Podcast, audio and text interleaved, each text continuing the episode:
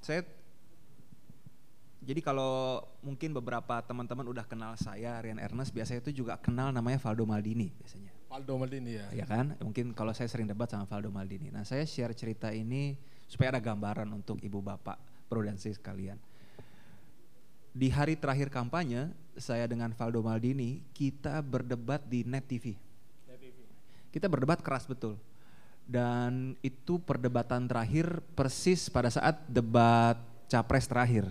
Jadi saya dengan Valdo jadi komentator. Teringat sekali kita debat itu sampai jam 12 lewat.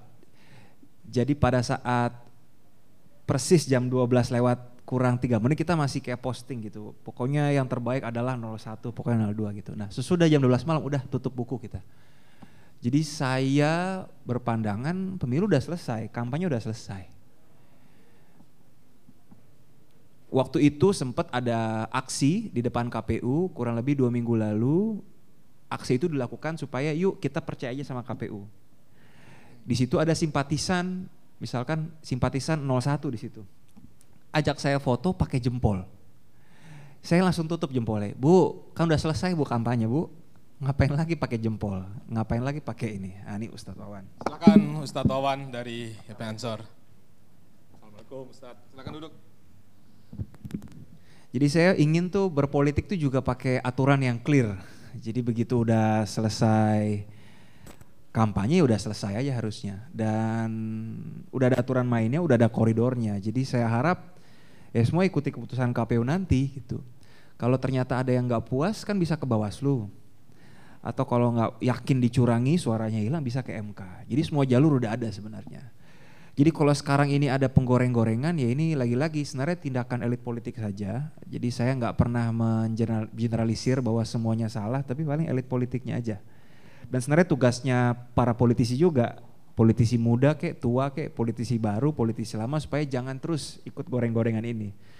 Makanya sejujurnya sesudah kampanye selesai, saya ini puasa ngomong sebenarnya sering ditawari ngomong baru kali ini ya saya karena Ronald Tenke jadi saya mulai mau Puji Tuhan.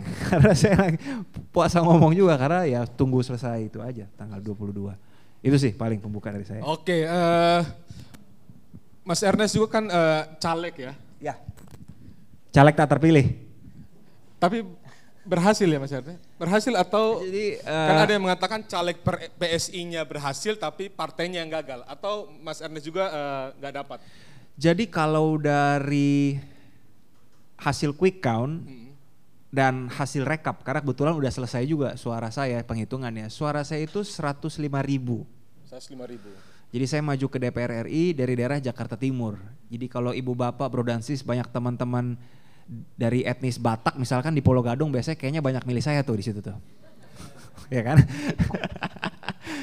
basis itu basis, kayu mas, kayu putih dan kawan-kawan. Lumayan, saya 105 ribu suara dan dari perhitungan ancar-ancar sepertinya sih itu dapat kursi DPR RI, kursi bontot tapi. Kan ada enam kursi yang diperebutkan, uh, eh, PDIP hebat lah di atas saya pasti, Gerindra juga hebat. Tapi saya dengan Eko Patriopan ini mirip, saling susul menyusul dan kayaknya sih saya dapat. Tapi saya juga nggak pernah mikirin lagi. Kenapa? Karena ta begitu tanggal 17 April PSI kan sudah tahu kami nggak tembus electoral threshold. Jadi ngapain dipikirin juga itu kursi kan nggak bakal dapat. Sudah hangus. Tapi kalau boleh kami garis bawahi kami puas. Dalam arti kami nggak pakai politik uang, kami nggak pakai politik sara. Uh, dan hasil yang kami dapat kami puas gitu sih. Jadi politik masih panjang, umur saya baru 32 tahun ini. Mahathir aja umur 90 masih Perdana Menteri. Jadi uh, ya saya masih santai ya, take it easy aja. Hidup masih panjang. Hidup masih panjang. Masih ya? panjang. Slow aja menjalaninya ya. Wallace aja. Wallace aja.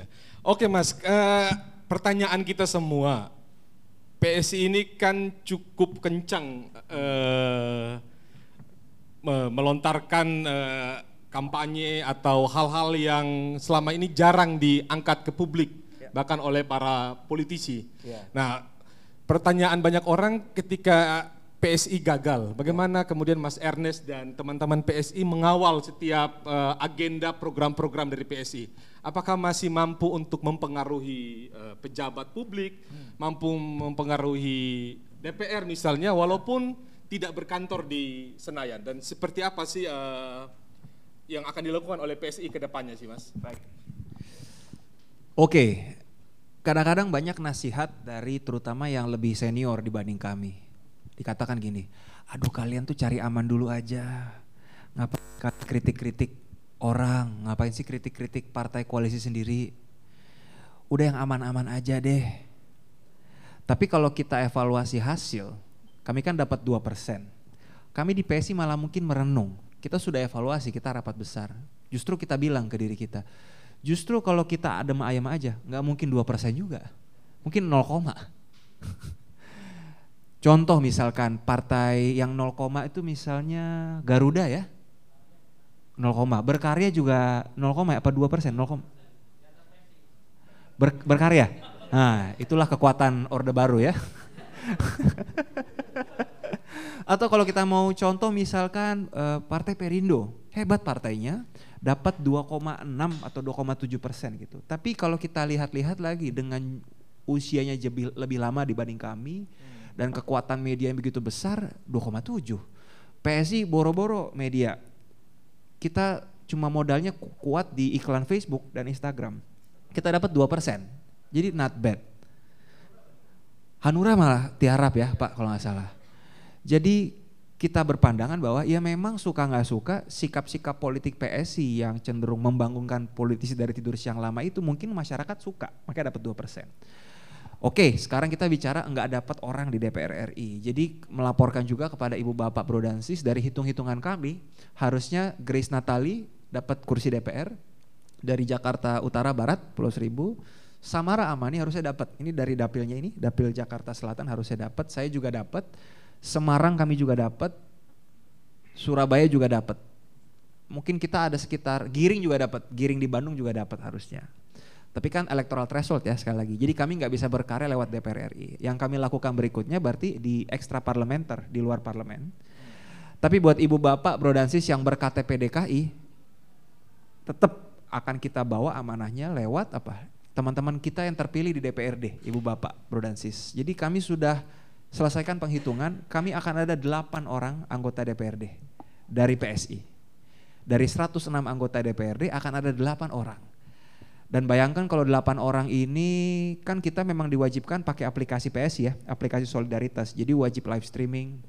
Ibu bapak akan tahu betul. Jadi uang pajak ibu bapak yang udah bayar PBB Jakarta yang tiap tahun naik ini kan akan dikasih gaji DPRD. Semoga ibu bapak lebih redo bayar PBB-nya karena nanti udah jelas kinerja DPRD seperti apa. Jadi akan tetap ada dan saya juga wakil ketua DKI Jakarta pengurus kita akan bantu juga teman-teman DPRD buat kerja lebih kencang lagi. Jadi banyak jalan menuju Roma, Karonald. Jadi nggak mesti di DPR untuk berkarya, bahkan nggak mesti berpolitik kayak Karonal gini kan sebenarnya udah membantu diskursus publik juga tanpa harus jadi orang partai politik. Karena nggak enak jadi politisi Karonal. Enak kan jadi begini aja jadi vikaris, jadi pendeta. Gitu ya. Iya, lebih enak gitu. Lebih enak ya. Kalau tiba-tiba, uh -uh, tiba-tiba misalnya diajak nongkrong di mana, nggak ada yang bully-bully gitu kan, ya. wajar. Coba kalau politisi nongkrong-nongkrong, ih politisi kok nongkrong nggak bener tuh, gitu iya, kan. Betul. Uh -uh. Uh, iya sih benar juga sih Mas Ernest, benar juga sih. Uh, Mas Ernest ini kan kalau banyak sih teman-teman yang mengatakan uh, Mas Ernest ini pintar, di publik juga bagus e, bicaranya. Seandainya ditawari oleh Jokowi masuk ke tim kerja atau bahkan e, bagian dari kabinetnya Jokowi, Mas Ernest terima atau enggak? Enggak. Eh, kenapa Mas? Itu enggak dibully, ada kuasa, yang bully tinggal ditangkap. Pemerintah. bully ditangkap Pak Wiranto. Kenapa enggak terima kalau ada tawaran dari Jokowi, bukannya kalau bekerja di dalam sistem jauh lebih mantap kata orang. Memang uh, lebih mungkin aman, aman relatif Pak. Karena begitu masuk sistem menteri kita langsung dalam penyadapan KPK, which is good. Saya sih siap disadap gitu kan. Tapi banyak teman-teman yang lain sebenarnya nggak siap disadap juga. Tapi kalau ditawari menteri, kalau saya ditawarin, saya akan menolak. Kenapa? Karena saya sadar diri belum pantas kayak saya menteri. Satu. Kedua, dari analisa saya, analisa yang masih dangkal, kalau mau bikin manfaat lebih besar, menurut saya itu jadi kepala daerah. Kepala daerah terutama tingkat dua. Kita bisa bikin dampak yang cepat dan langsung terasa masyarakat. Menteri itu penting nggak? Penting. Menteri itu biasanya menentukan arah kebijakan. Tapi kadang-kadang kalau menterinya bilang A, ini dalam realita otonomi daerah ya. Kadang-kadang bupati, wali kota, gubernur suka ah kagak mau gitu. jadi jadi suka agak repot gitu ya. Saya lebih senang kepala daerah aja. Atau bener sekarang ngembangin PSI aja supaya PSI bisa lebih berkembang lagi. Gitu sih bro. Itu kalau ya. saya jawaban jujur, jujur. mudah-mudahan konsisten ntar kalau ditawarin jangan sampai goyang. Ya. kalau goyang pun ya nggak apa-apa mas. Namanya juga manusia ya. Namanya juga manusia. Namanya juga politisi. Namanya juga politisi. enggak lah enggak lah. Konsisten kok enggak ya uh, tadi sempat ngobrol dengan dengan mas uh, Ernest soal bahwa susah menjadi seorang politisi yang menjaga idealisme sih. Sebagai seorang politisi murni banyak orang uh, bisa menggapainya, tapi untuk menjaga idealisme itu yang paling paling rumit ya, dan tidak semua orang uh, mau mengambil jalan sempit itu ya. ya. Nah, uh, kita akan uh, akan menyambungkan uh, diskusi bersama Bro Ernest. Saya akan ke sebelah kiri saya oleh teman kita Pak Ustadz Wawan, saya biasa sapa dengan Mas Wawan, yang akan membagikan kepada kita tentang tentu saja makna Ramadan untuk kita semua. Apakah orang Nasrani, orang Kristen pun bisa menikmati bulan Ramadan itu. Dan tentu saja bagaimana uh, Ansor dan kebetulan uh, juga caleg PKB ya Mas ya, melihat perkembangan politik uh, saat ini Mas. Silakan uh, Mas Wawan. Assalamualaikum warahmatullahi wabarakatuh. Selamat sore semua, para sahabat-sahabat semua, saudara-saudara saya semua. Maaf kalau saya nanti mau mau mulut saya itu kurang enak ya. Tapi katanya Allah itu nanti seperti bau minyak kasturi gitu. Ini mas, biar lebih kencang sorry. Iya siap. Eh, memang Ramadan ini memang kalau konsep Islam itu bulan tarbiyah bulan pendidikan, bulan pengembelengan, tapi bukan bulan demonstrasi gitu. Dan memang rata-rata kalau kenapa sih kalau di Indonesia kalau misalnya ada demonstrasi di bulan Ramadan pasti itu kurang minat orangnya. Pasti. Orang lebih mikir THR, orang lebih mikir pulang kampung. Pulang kampung ya. Lebih baik dia people powernya ke kampung aja dibanding ke Jakarta. Orang lebih mikir misalnya ibadah Orang lebih mikir juga kalau demo capek. Ini saya kalau ngomong pernah saya ngomong dua jam itu haus sih minta ampun. Makanya kalau orang puasa lebih baik dia daripada bicara. Karena bicara terkesan ada dosa gitu. Bener. E, konteks Ramadan mudah-mudahan ini semua pada sadar semua. Dan Islam tidak pernah mengajarkan tentang apa? Radikal dalam artian keras kalau bagi laki-laki keras harus ya. Kalau perempuan nggak boleh keras. Keras harus tapi dalam kondisi tertentu gitu. Anak-anak nggak ada? Nggak ada. ada. Nah makanya kembali bahwa Ramadan bulan pendidikan, bulan pembersihan, ya. La'allakum tatakun gitu. Kalau kata Al-Quran gitu, firman Allah. Ya ayyuhalladzina amanu kutiba alaikumusyamu kama kutiba alladzina min qablikum la'allakum tatakun agar kita menjadi orang bertakwa takwa bukan berarti takut sama istri tua. saya kalau sama PSI makanya saya ngambil PSI. Karena saya nanti gak boleh kawin lagi.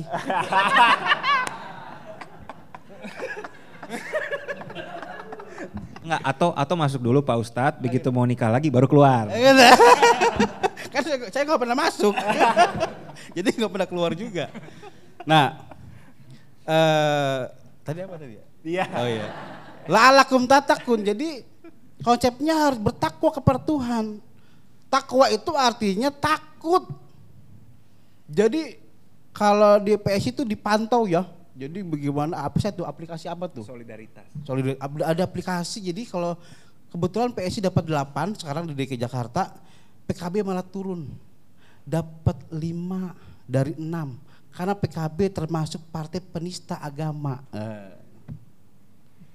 penista agama. Ya itulah akhirnya gorengan-gorengan itu jadi dibawa dibanyakin mecinnya, dibanyakin garam jadi enak dibuat ya kan. Betul. Tapi PSI salut dengan jargon poligami tadi anti poligami malah dapat 8. Emang banyak pemilih perempuannya ternyata PSI itu. gitu. Seharusnya PKB begitu ikutan juga begitu ya. ya kan dapat 8. Nah kembali, lala kum tatakun. Saya selalu dengan dengan orang PSI. Jadi nanti dikontrol katanya. Jadi anggota dewan itu nanti ada aplikasi apa sehingga pokoknya nggak bisa korupsi terpantau seperti kayak CCTV gitu ya. Live streaming. Live streaming, ah seperti live streaming. Sama, lala kum tatakun takut kepada Tuhan itu seperti live streaming. Saya bisa aja misalnya nih puasa kan konsepnya takut kepada Tuhan. Saya bisa misalnya saya wudhu nih saya menelan dikit minum air dikit nggak kelihatan kan, tapi Tuhan melihat hmm. gitu. Kayak korupsi mungkin apa namanya kalau selama uh, HP, sendirian, HP nggak ada, HP nggak ada bisa korupsi. Atau kita sekarang melanggar rambu lalu lintas deh, nggak ada polisi apa yang terjadi? Nah, lewat. Tapi kalau sudah Tuhan tertanam di hati kita, Tuhan memantau kita di mana pun ada kita dan Tuhan.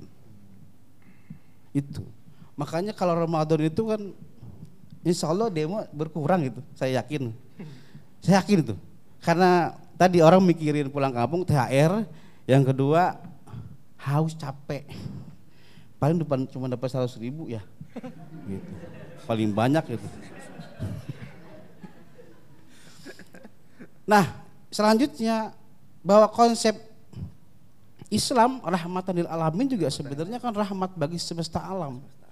Kasih sayang kepada Tuhan, kasih sayang kepada alam dan isi-isinya. Saya bilang sama kemarin sama calon pendeta kita nih, Mas Ronald, mencintai Tuhan itu harus pakai ilmu. Mencintai negara harus pakai ilmu. Jadi dewan harus pakai duit. Oh. harus pakai ilmu. Gitu. Menjadi rakyat harus pakai ilmu. Menjadi presiden harus pakai menjadi rakyat pun harus pakai ilmu. Kenapa tuh mas? Kenapa rakyat harus pakai ilmu tuh mas? Bagaimana menjadi rakyat yang baik? Bagaimana menjadi presiden pemimpin yang baik? Bagaimana menjadi anggota dewan yang baik, bagaimana menjadi caleg yang baik, bagaimana menjadi pendeta yang baik, bagaimana menjadi diri kita yang baik. Itu harus ada ilmunya. Makanya kalau dalam konsep Islam hadis Nabi itu mengatakan bahwa ilmu belajar ilmu itu dari boya, boya apa? Buayan tuh sampai mau ditarik nyawa kita tuh. Itu harus belajar. Enggak ada selama masih napas harus belajar. Makanya orang yang berilmu dan tidak berilmu beda kedudukannya. Beda wibawanya, jalannya aja beda. Ini orang berilmu nih, jalannya beda sama orang yang gak berilmu. Jalannya beda loh. Makanya aja beda orang yang berilmu dengan orang yang tidak berilmu. berilmu. Apalagi berbicaranya. Coba ibu-ibu yang sudah nikah Suami yang berilmu dengan suami yang tidak berilmu beda pelukannya. Beda kasih sayangnya. Beda perlakuannya. Betul nggak Pak? Makanya cari suami yang berilmu kan gitu. Nah itu kira-kira artinya bahwa Islam itu mengajarkan tentang kasih sayang apalagi di, di bulan Ramadan. Kalau disamakan dengan perang Badar salah. Lihat konteksnya dulu, ini perang Badar. Salah. Itu konteks zaman Nabi waktu perang Badar dulu itu pun Nabi diserang. Nabi diserang. Ini kita siapa musuh kita sebenarnya saya bingung juga. Di zaman Belanda jelas musuhnya Belanda. Sekarang siapa musuhnya? Jihad takbir. Ketika takbir Tuhan sepertinya kecil bukan besar. Padahal artinya takbir membesarkan asma Allah, membesarkan nama Tuhan, tapi sepertinya ke, kecil. Makanya takbir jangan kenceng-kenceng, sebut nama Tuhan jangan kenceng-kenceng, cukup di hati dengan nama lembut. Saya orang PKB, jadi yang menciptakan him di PKB itu orang Nasrani, saya lupa itu ya Gus Dur yang minta. Oh. Jadi ada ada bahasa gini lagu gini. Allahu Akbar, Allahu Akbar, Allah Maha Besar. Itu yang kita orang Nasrani. Itu dinyanyikan di gereja itu. Merinding semua. Hmm. Saya bilang juga bahwa dia jadi Tuhan kita satu. Hmm. Kalau Gus Mus bilang Allah, ya enggak? Kalau saya bilang Allah, kalau orang Betawi bilang ya elah, bener gak? Tuhan kita satu, makanya Gus Dur, ayo, siapa, saya lupa, lupa nama itu yang menciptakan itu orang-orang Nasrani. Itu saya nyanyi lagu itu merinding. Biar punya kita kan orang Nasrani merinding karena dia menciptakan lagu dengan hatinya. Sesuatu yang diciptakan dengan hati, sesuatu yang diberikan dengan hati, pasti siapa pun yang nerima akan juga nerima dengan hati. Dulu saya pernah berkirim surat dengan dengan istri saya pacar saya. Kalau engkau gini, kenapa engkau menangis baca suratku? Karena aku menulis dengan hatiku. Gitu. Makanya kalau semua jadi rakyat dengan hatinya, jadi pemimpin dengan hatinya, jadi politisi dengan hatinya, kira-kira damai nggak ini dunia? Damai nggak negara kita? Damai. Damai. Gitu mas. Gitu ya mas. Ya, uh, Ustadz Wawan, uh, untuk teman-teman NU, Ansor, ini kan kalau kami lihat yang dari Kristennya ya, sering kali berbeda dengan ada kelompok lain di uh, di sebelah yang sepertinya juga perseteruan dengan teman-teman NU Ansor ini kencang nih, ya. Itu bagaimana uh, Ustadz Wawan melihat uh, kelompok kalau kita bisa katakan saat ini kalau dalam konteks politik ada Islam yang dukung uh, 01, ada Islam yang dukung 02. Terus kayaknya ini kok berseteru. Nah, di teman-teman muslim sendiri uh, di bulan Ramadan ini ada ya semacam ada upaya perdamaian atau bagaimana sih Ustadz dengan uh, teman-teman muslim di kelompok seberang kalau kita mau katakan seperti itu. Ya memang kalau di NU Ansor Al Ansor itu kan anaknya NU. Banom, Badan atau dari Nahdlatul Ulama. Kalau di Ansor itu di NU ya, itu kita bukan politik praktis, tapi lebih kepada politik kebangsaan. Kalau saya nih, anak Ansor, anak Ansor, silakan untuk berpolitik praktis. Tapi Ansornya tidak boleh berpolitik praktis, harus berpolitik kebangsaan. Kalau bicara Nahdlatul Ulama, maka bicara NKRI harga mati sudah selesai. Sebelum kemerdekaan, jauh sebelum kemerdekaan, Bahasim Hadratus Syekh Kasyif Asyari sudah mengatakan hubul waton minal iman. Bahwa cinta cinta kepada tanah air itu sebagai daripada, daripada iman. Jadi agama dan nasionalisme itu gak bisa dipisahkan. Karena bicara agama, bicara nasionalisme di situ. Yang kedua, bicara nasionalisme itu bicara apa namanya watoniyah, bicara kebangsaan, bicara kenegaraan. Kita nggak lihat di situ orang Batak, orang Sunda, orang Jawa, Buddha, Hindu, Nasrani, Islam nggak lihat itu. Tapi kita bicara kebangsaan. Memang awalnya berdiri ketika NU berdiri dan seterusnya sampai dengan ketika NU keluar dari Nasakom, NU keluar dari Masumi, maaf, bahwa Wahab itu keluar dari Masumi karena sudah tahu ini Masumi pengen buat pemberontakan. Hmm. Nanti ada namanya DITII itu. Hmm. Jadi NU itu sudah diajak untuk berontak waktu zaman Kartosuwiryo. Hmm. Tapi bahwa Wahab nggak mau nih keluar dari masuk masuk Nasakom. Apa Nasakom? Nasakom komunis agama. Wah dibulinya habis-habisan itu bahwa Wahab. Salah pendiri Nahdlatul Ulama.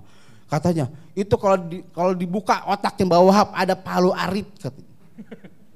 Jadi kalau NU itu dibully itu memang sudah dari dulu. Dari dulu ya. Kita sudah kebal dibully. Saya saja sampai tiga saya dibilang orang muslim, saya dibilang orang kafir, saya dibilang orang murtad, saya dibilang orang munafik. Zaman Ahok tuh. Ini hak buat. Lihatnya ke saya. Nggak, harus tanggung jawab, harus tanggung jawab dia maksudnya. Padahal udah gak kerja mau. dulu, dulu ya. Dulu, dulu. Ya, dulu. Iya. Berarti harus tanggung jawab mau ansor ini. iya, ketika saya masang banner itu ya, apa namanya kita nggak nggak bela siapa pun, kita bela siapa orang Muslim yang tidak disolati, tidak diurusi saja, kita akan siapin sholat. Ya. Udah akhirnya ada stigma bahwa Ansar itu ya. Ahok gitu. Ya. Ahoker lah gitu. Saya bilang, saya tidak milih Ahok, tapi saya milih Jarot sih bilang itu. Hmm. nah, kembali bahwa Edu memang dibully dari dulu sampai sekarang, semuanya. Tapi alhamdulillah, yang istiqomah itu hanya Ansor sama Banser. Tepuk tangan dong, Bu. Betul. Karena di ansor di bahasa jelas ada pengkaderan. Kalau pengen jadi ansor harus PKD. Pengen jadi bahasa harus ikut DTD. Kalau nggak ikut ada pengkaderan nggak boleh pakai baju bahasa, nggak boleh pakai baju ansor.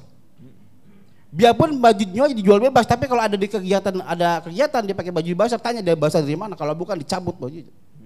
Jadi kesembarangan. Tiga hari dua malam kita digembleng, gitu. Di NU juga ada pengkaderan, madrasah kader Nahdlatul Ulama ada, gitu. Cuman memang ada sebagian orang-orang uh, sebelah maka ada istilahnya NU garis lurus. Kalau kita garis bengkok, karena kita kan gambarnya bengkok bengkok nggak lurus gitu.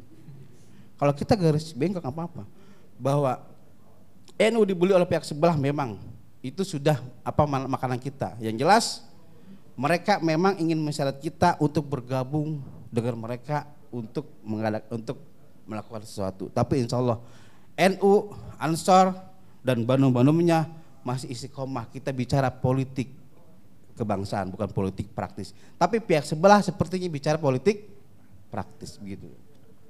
Ya, uh, salah satu juga isu yang menguat di tengah-tengah publik ini kan soal kilafah ya. Seperti uh, ya teman-teman di sini juga ingin tahu sih sebenarnya kilafah dalam kan sangat kuat uh, isu bahwa kita menggunakan menjadikan Indonesia sebagai negara kilafah. Sebenarnya kilafah yang dimaksud itu apa sih Mas Wawan untuk kita semua mengerti paham betul kilafah itu apa sih sebenarnya yang dimaksud oleh muslim sendiri? Jadi jadi sebenarnya di Islam itu nggak ada konsep khilafah. Hmm. Kalau khilafah salah lebih lebih seperti kerajaan, dia dikembali pengen mengenang kembali ketika terakhir kerajaan Ottoman Utsman itu di Turki. Jadi di Islam kembali tidak ada namanya konsep khilafah, konsep kerajaan. Saya bilang, apakah Saudi itu negara Islam? Bukan. Jadi Islam itu tidak pernah mengajarkan khilafah Ya negara. Nabi Muhammad ketika di Madinah itu ya ada Yahudi, Nasrani, Majusi. Bergaul, bermuamalah. Pernah Nabi Muhammad itu pernah menggadaikan baju perang kepada orang Yahudi. Pernah ada satu ada satu sumur, sumur itu yang punya orang Yahudi itu. Akhirnya dibeli sama Utsman. Ini satu hari untuk orang Islam, satu hari untuk umum, orang umum. Jadi Madinah, kalau saya mungkin ego kami sebagai orang Hindu bahwa apa yang diterapkan oleh Nabi Muhammad itu sama dengan Pancasila di, di Indonesia.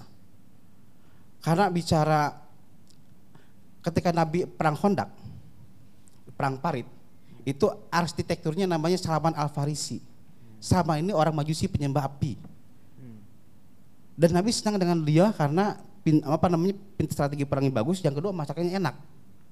Jadi kita Nabi, wahai Salman, mana masakanmu lagi sini? Saya mau makan, enak rasanya gitu. Dan salah satu umat Islam menang tuh karena arsiteknya perang Hondak itu Salman Al Farisi dan itu bukan orang Muslim. Jadi bicara bicara negara, bicara apa namanya bicara kesatuan siapa pun. Jadi khilafah tuh gak ada, itu dibuat-buat aja sama mereka.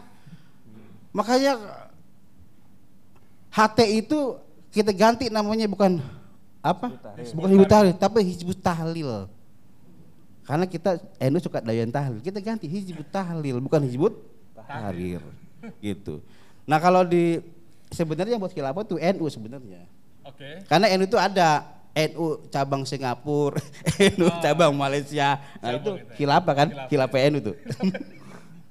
Jadi nggak ada kembali bahwa tidak ada dalam Islam ada konsep khilafah. Berarti yang buat konsep khilafah saya bingung itu itu siapa, itu ajaran siapa itu? Mungkin buat agama baru mungkin ya gitu hmm. gitu kira-kira Jadi tidak ada sebenarnya hubungan ada. antara Islam dengan ada, secara langsung ada, ya? ada secara langsung betul. Itu benar-benar agenda siapalah itu ya. Oke baik uh, Bapak Ibu kita masih menantikan uh, salah satu pembicara kita pembicara ketiga dari Litbang Kompas Mas Ignatius dan masih di jalan.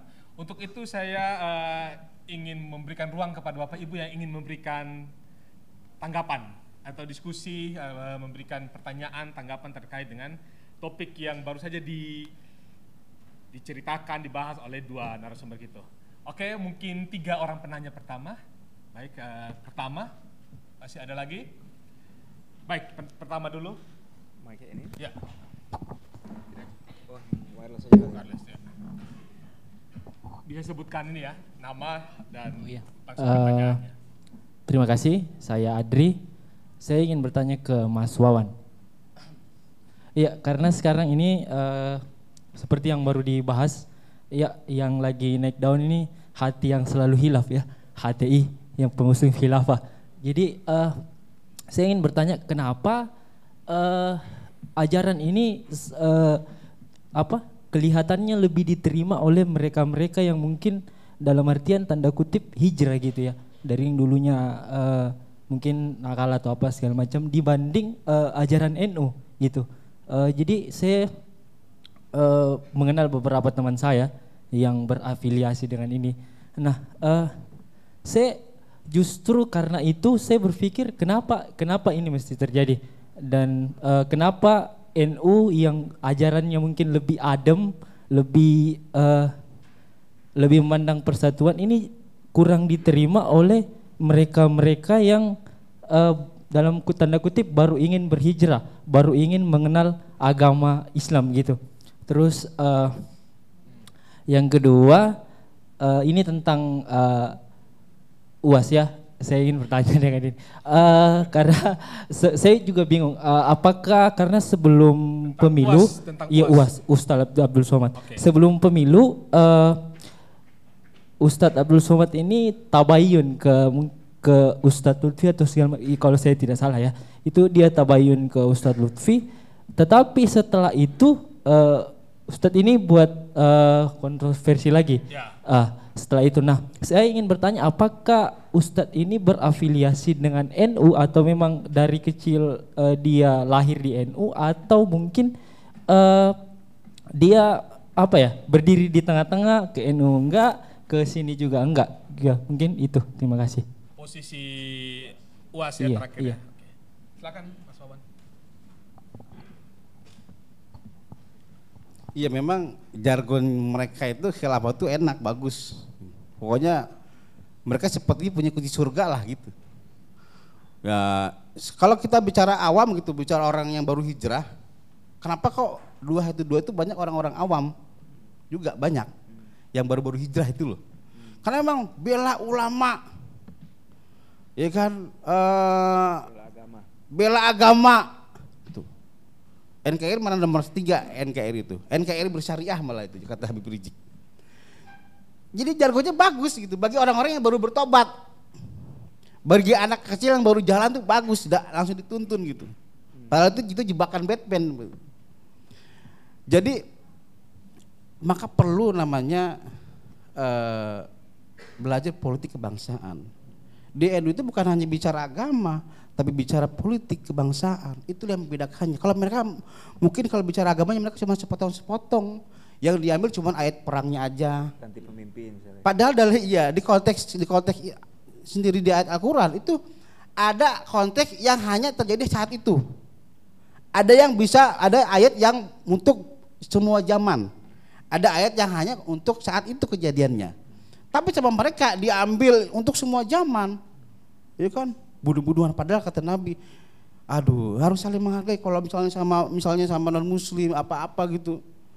So, kalau kamu saling saling kalau kamu menyakiti mereka berarti kamu menyakiti aku kata Nabi. Begitu. Jadi bilang bukan orang kafir ngomongin non muslim sama juga Mas Renal bilang saya ini orang kafir. Sama juga nih tapi enak lebih enak non muslim kan? Gitu tapi saya bilang eh, sahabat saya gitu Nabi pernah bilang itu jadi kira-kira mereka pakai konteks apa makanya tadi yang membedakan itu mereka tuh kurang apa belajar politik kebangsaan. Kalau di NU sudah diajarkan, maka di ansor dia ansor di NU itu diajarkan politik bukan hanya agama aja, tapi politik kebangsaan. Nah kalau masalah posisi UAS, dulu saya dengar dia orang Al-Wasliyah. Al-Wasliyah itu memang dia sama seperti NU gerakannya. Uh, juga ada yang bilang dia juga dia madrasahnya di Al-Wasliyah bukan di bukan di Al-Marif atau di NU. Tapi memang dia dia mazhabnya Syafi'i. Fikihnya. Mazhab Syafi'i ini sama seperti mazhabnya yang dipakai sama orang-orang NU. Contoh kalau Syafi'i gini. Ini kalau di kalau di Islam ada mazhab. Kalau misalnya saya berwudu megang ini mas, mas apa pre, Mas Ronald. Ronald itu perempuan saya pegang ini kulitnya batal saya. Itu kalau Syafi'i. Hmm. Kalau Syafi'i kayak Maliki atau Hanafi megang Mas eh, megang ini perempuan saya wudhu itu nggak batal kecuali kalau saya megang merangsang baru saya batal Nah, itu itu ada konsep mazhab di di, di, di apa di, di Islam. Nah, si UAS ini pakai mazhab Syafi'i. Tapi saya ngeliat UAS ini dia posisinya nggak di NU. Jadi kalau dia ngomong di HTI seperti orang HTI. Lihat aja buka itu. Kalau dia ngomong eh, di orang ini seperti orang NU. Kalau di FPI ngomong seperti orang PI. Saya sendiri bingung. Ini UAS maunya kayak gimana gitu. Dia kepada sowan kepada kayak kayak NU kayak ke Habib Lutfi juga sowan gitu. Tapi setelah itu sepertinya ah gitu. Tapi kalau saya gini, ah, apa namanya ya palingnya kita harus ber, berpikir, berpikir positif bahwa wah sini ya kedudukannya dia cara enak sini enak gitu loh. Nah, ini sana enak sini biar diterima siapa pun kira-kira gitu. Jadi makanya kita sendiri nggak begitu memusuhi UAS gitu. Kira-kira gitu, Mas. Baik, terima kasih. Ada lagi yang ingin bertanya? Berikan tanggapan. Kalau belum ada, oh, Asuryo, teman di Sapa Pucu, silakan Jo.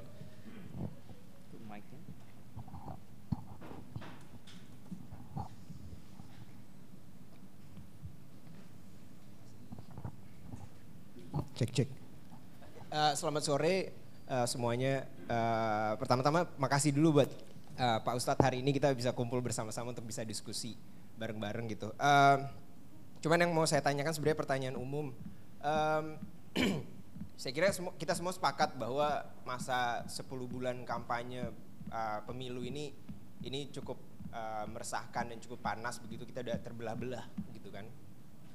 Um, dan ini kita ternyata yang tadinya kita berharap bahwa 17 April itu situasi mendingin, ternyata uh, satu bulan hingga besok tanggal 22 Mei uh, penetapan hasil rekapitulasi nasional ini nampaknya tidak juga menurunkan suasana begitu yang apalagi ini sebenarnya bulan Ramadan yang kalau kita ingat-ingat sebelumnya tahun-tahun sebelumnya ini adalah masa yang paling damai gitu uh, bulan yang paling damai buat kita bersaudara gitu kan.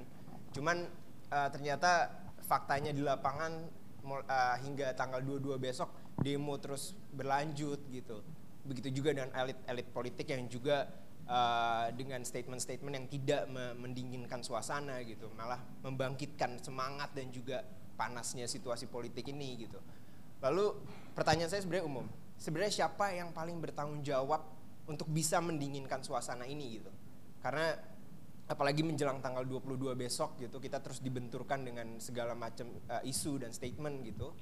Kalau dari uh, sementara di satu sisi elit politiknya pun yang didukung itu tidak memberikan statement yang uh, menenangkan rakyat pendukungnya gitu loh.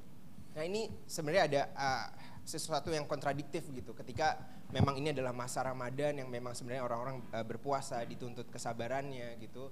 Namun di satu sisi yang lain uh, umat pendukung ini juga dibenturkan dengan statement-statement yang kita harus ber berbuat sesuatu gitu agar uh, apa yang kita bela ini bisa memenangkan kompetisi ini kayak gitu. Nah, pertanyaan saya simpel seperti yang tadi, siapa yang paling bertanggung jawab untuk me me me menenangkan, mendinginkan suasana ini? Uh, mungkin saya pertanya, uh, pertanyaan ini ke Pak Ustadz dari sisi ini karena karena ini bulan Ramadan gitu. Lalu ke Bro Ernest mungkin dari sisi politisi gitu uh, sebenarnya siapa yang paling bertanggung jawab untuk mendinginkan suasana uh, pemilu ini? Terima kasih. Terima kasih Pucu silakan Bro Ernest.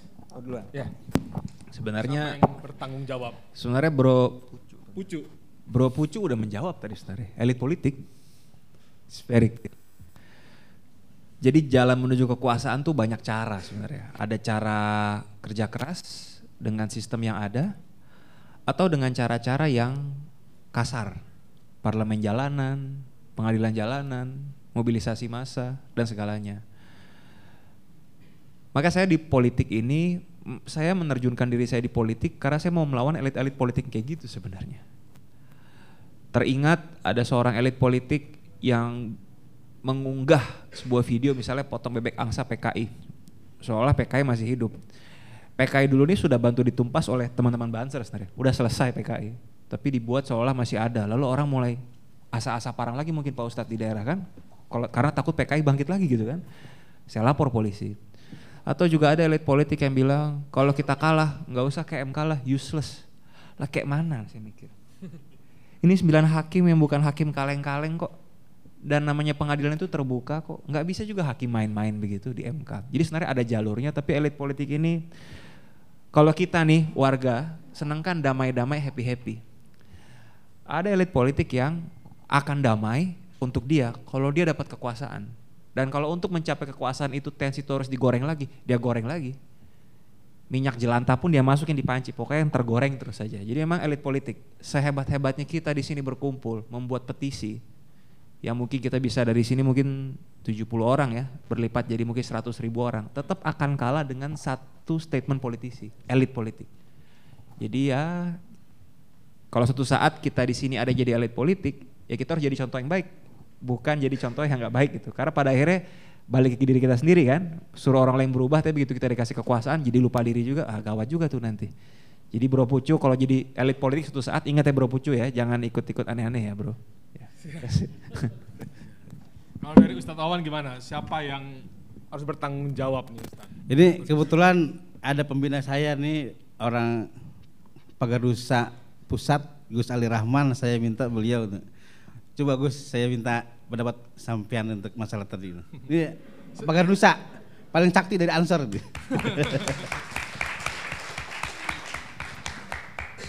Sebelum lebaran salaman dulu dah. Ya. Selamat sore, salam sejahtera. Terima kasih. Jadi ngomong juga kita.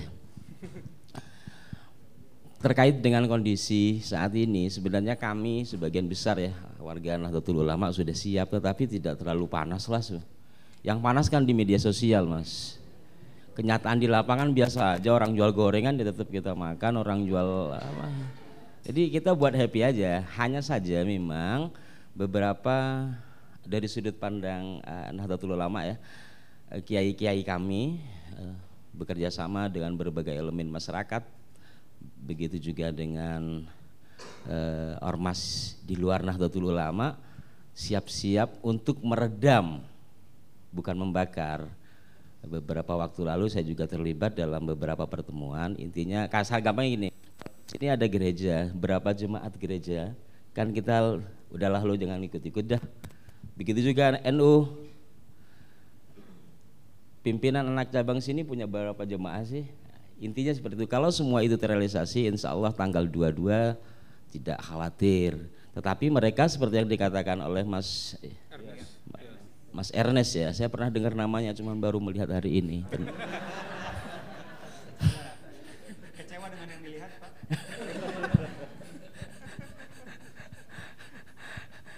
Jadi intinya tidak ada masalah sih. Uh, intinya kalau tadi siapa sih yang paling bertanggung jawab ya, ya. benar politisi.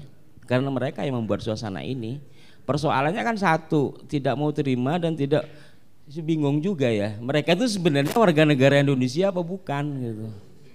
Sebab kan begini dalam hidup beragama, berbangsa dan bernegara kita ada poin-poin yang harus kita sepakati. Semua orang itu pintar. Mas Ernest pinter, Pak Ustadz pinter, Pak Pendeta pinter. Tapi apakah kepintaran itu kita akan melakukan dengan kepintaran masing-masing? Sekat-sekat. Saya pikir di situlah intinya apa lagi ya? Intinya di situ. Karena saya hanya diminta untuk menanggapi tadi, bukan pembicara ya. Nanti saya malah salah. Itu satu. Yang pertama terkait dengan uh, tanggung jawab ya. Intinya sudah ada gerakan-gerakan yang dalam pengertian itu mengademkan suasana, bukan membakar suasana melalui jaringan-jaringan jemaah gitu. Yang insya Allah tidak akan terjadi sesuatu yang tidak diharapkan. Kalau toh kalau toh terjadi kan ya sebagian kecil lah barangkali dan juga nggak masalah kalau terjadi juga nanti kan juga mendatangkan keuntungan bagi mereka yang dagang. Jadi buat santai aja. Tuh, eh, tadi saya mungkin menyikapi masalah khilafah ya. ya. Saya akan terus mungkin bro-bro ini sudah jago lah tentang khalifah khilafah itu apa ya karena sudah kitabnya sekarang kan sudah ada di media di media sosial itu. ya, kan? Sudah ada di situ. Kalau dalam konteks Islam khalifah itu kan bahasa Arab khalifah itu adalah pelakunya khilafah itu adalah sistemnya di dalam Islam sepengetahuan saya silahkan dibuka di Quran ya, di kitab suci atau melalui dalam tafsir gitu apakah betul ada sistem kekuasaan dalam konteks pemerintahan yang disebut khilafah setahu saya tidak ada kalau kalimat khalifah itu ada. Khalifah itu sama kayak dulu kata Aulia itu kan beragam makna gitu. Khalifah bisa berarti mengganti, bisa berarti orang setelahnya. Kalau di dalam Al-Quran dikatakan bahwa Allah berfirman, nanti saya akan mendatangkan khalifah yang dimaksud itu Adam. Maksudnya, lalu nanti malaikat atau makhluk yang dicipta sebelum Adam protes, kenapa ya Tuhan kamu masih akan menciptakan? Sebagian dari teman-teman HTI kalimat ini yang dipakai. Bahwa setiap individu memiliki tanggung jawab menjadi khalifah. Itu betul. Tapi persoalan kata khalifah menjadi sebuah sistem ketatanegaraan tidak pernah ada. Contoh kalau saya di Nabi Muhammad apa eh, Islam itu apa negara Islam gitu ngikutin Nabi Muhammad dan Nabi itu dapat wahyu kamu dapat apa kita pakai logika kan Isa mendapatkan wahyu Muhammad dapatkan wahyu memerintah berataskan berdasarkan wahyu mau perang atau tidak perang itu berdasarkan wahyu Lalu setelah Nabi Muhammad itu dapat wahyu apa enggak apalagi sekarang mungkin dapat wahyu api nujam Sari bin Abi Sengkek tes nabi yang mati kuda yang gitu. Kan kayak gitu. Lah kalau nggak ngikutin Nabi Muhammad ngikutin siapa? Pengganti Muhammad siapa namanya? Abu Bakar. Nah Abu Bakar itu dipilih kepemimpinannya menggunakan sistem apa? Kalau menurut saya lebih pada republik bos. Sebab ketika Nabi Muhammad wafat berkumpullah gitu, berkumpullah ketua-ketua suku itu kan bahasa Arab ya. Kalau saya artikan di sini kepala-kepala suku mungkin diterjemahkan dalam konteks politik hari ini DPD lah, Dewan Perwakilan Daerah. Ada daerah Hijaz, ada daerah Kures, ada daerah berkumpul lalu suara terbanyak menentukan Abu Bakar. Barangkali lebih lebih dekat itu kepada Republik gitu. Itu masa Abu Bakar, masa ke Osman nanti penunjukan, masa ke Umar nanti ada penunjukan dan pemilihan. Lu sistem yang bagus secara Islam itu yang mana? Lah kaitannya khilafah kepada HTI itu kan ciptaannya syekh-syekh di Mesir sana.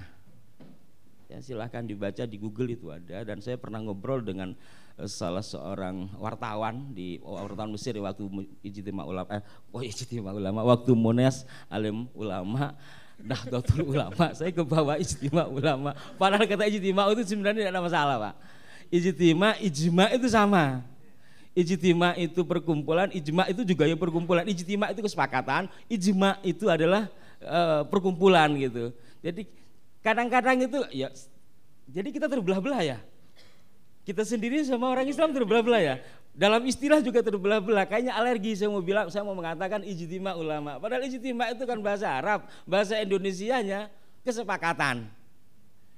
Di NU itu biasa menggunakan kata ijma perkumpulan atau pertemuan nanti ujungnya akan melahirkan ijtima kesepakatan tapi karena terkotak-kotak seperti ini sebatas istilah aja jadi nggak enak itu ini ini salah satu bagian dari perpecahan yang ada di antara kita sendiri di, di, di, di, di kaum muslimin dan kalau tadi dikatakan kenapa yang ikut itu bagian dari yang mohon maaf gitu ya yang masih baru belajar kan gitu kalau bahasa kasarnya ya karena memang baru belajar lah orang sudah paham betul Ya nggak mungkin, kecuali ada kepentingan kayak tadi itu. Politik menggunakan jalur agama. Saya garis bawahi, biar nggak panjang-panjang karena bukan Betul. pembicara. Betul. Gak Betul Intinya itu sih. aja. Intinya tidak ada sistem baku dalam Islam terkait dengan khalifah. Oke, makasih. Kita berikan tepuk tangan dong, luar biasa. Ya, uh, kita undang pembicara ketiga kita, Mas Ignatius dari Litbang Kompas untuk hadir bersama-sama dengan kita, Mas. Depan.